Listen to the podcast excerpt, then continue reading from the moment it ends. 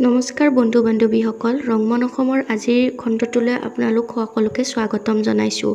এটা নতুন বিষয়বস্তু লৈ আজি আমি আপোনালোকৰ সন্মুখলৈ আহিছোঁ। আজিৰ বিষয়বস্তুটো হ'ল ৰাষ্ট্ৰীয় একতা দিৱস। দুহেজাৰ চৈধ্য চনত ভাৰত চৰকাৰে ৰাষ্ট্ৰীয় একতা দিৱসৰ শুভাৰম্ভ কৰিছিল।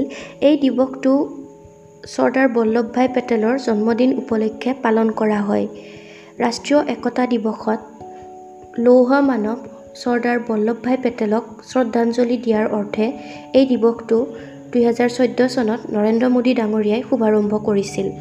এই দিৱসতেই ঐক্যৰ মূৰ্তি বা একতাৰ মূৰ্তি বুলি এটি স্মৃতিসৌধ চৰ্দাৰ বল্লভ ভাই পেটেললৈ উৎসৰ্গিত কৰা হয়। এই মূৰ্তিৰ উচ্চতা হৈছে এশ বিৰাশী মিটাৰ আৰু এই এই মূৰ্তি বৰ্তমান পৃথিৱীৰ আটাইতকৈ ওখ মূৰ্তি।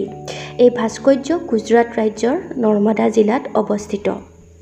এই দিৱস পালন কৰি লৌহ মানৱগৰাকীক সমগ্ৰ ভাৰতবাসীয়ে স্মৰণ কৰাৰ উপৰিও তেখেতৰ কৰ্মৰাজিৰ আদৰ্শৰে অনুপ্ৰাণিত হ'বৰ বাবে সকলোকে অনু অনুপ্ৰেৰণা যোগোৱা হয়।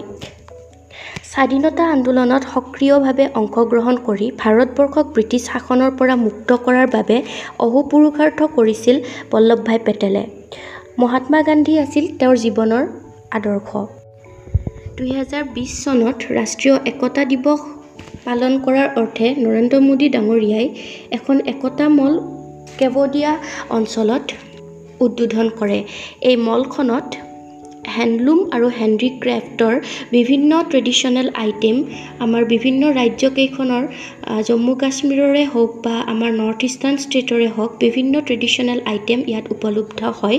আৰু ইয়াতে সকলো ধৰণৰ হেণ্ডলুম আৰু হেণ্ডিক্ৰেফ্ট আইটেমৰ এক ইউনিটি বা এটা ইউনিটি ইন ডাইভাৰ্চিটি বুলি যিটো আমি কনচেপ্ট কওঁ সেইটো দেখা পোৱা যায়।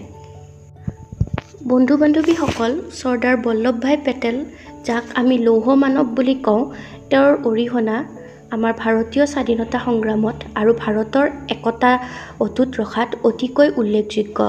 ভাৰতীয় স্বাধীনতা সংগ্ৰামত সক্ৰিয়ভাৱে জড়িত হৈ থকা চৰ্দাৰ বল্লভ ভাই পেটেল আছিল এজন সামাজিক নেতা ৰাজনৈতিক নেতা কৃষক নেতা আৰু স্বাধীনতা সংগ্ৰামৰ নেতা। তেওঁৰ সবল নেতৃত্বই সকলো লোককে একত্ৰিত কৰাত সহায় কৰিছিল। তেওঁৰ লক্ষ্য আছিল যিকোনো প্ৰকাৰে ভাৰতক ঐক্য সমৃদ্ধি বজাই ৰাখি এখন একতাপূৰ্ণ দেশ হিচাপে গঢ়ি তোলা। সেই সময়তে তেওঁ বহিৰাগত অপশক্তিৰ পৰা ভাৰতক ৰক্ষা কৰিবলৈ ভাৰতবৰ্ষক ইমূৰৰ পৰা সিমূৰলৈ একত্ৰিত কৰাটো অতিকৈ প্ৰয়োজনীয় বুলি ৰাইজৰ মাজত এক জাগৰণৰ সৃষ্টি কৰিছিল। চৰ্দাৰ বল্লভ ভাই পেটেলে ব্ৰিটিছ শাসনৰ পৰা মুক্তি লাভ কৰা পাঁচশতকৈও অধিক স্বায়ত্তশাসিত ৰাজতান্ত্ৰিক ৰাজ্যসমূহক একত্ৰিত কৰিবলৈ সক্ষম হৈছিল। পাঞ্জাৱ আৰু দিল্লীৰ শৰণাৰ্থীসকলক অনুদান আগবঢ়াই তেওঁ শান্তি স্থাপনত সফল হৈছিল। নাইনটিন ফৰ্টি ছেভেনৰ যিটো ইণ্ডিয়া পাকিস্তানৰ পাৰ্টিশ্যন আছিল তেতিয়া চৰ্দাৰ বল্লভ ভাই পেটেল গৃহমন্ত্ৰী লগতে উপ প্ৰধানমন্ত্ৰী আছিল আৰু তেওঁ ৰিফিউজিসকলক আৰ্থিকভাৱে হওক বা অন্য দিশে হওক বহুতো সহায় আগবঢ়াইছিল।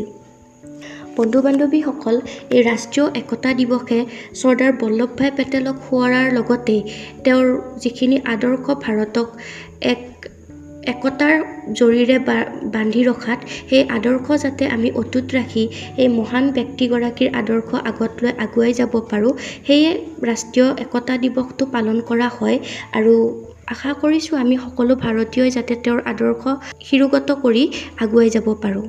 বন্ধু বান্ধৱীসকল আজিলৈ ইমানতে এৰিছোঁ। আগলৈ নতুন এটা বিষয়বস্তু লৈ অহাৰ প্ৰতিশ্ৰুতিৰে ধন্যবাদ।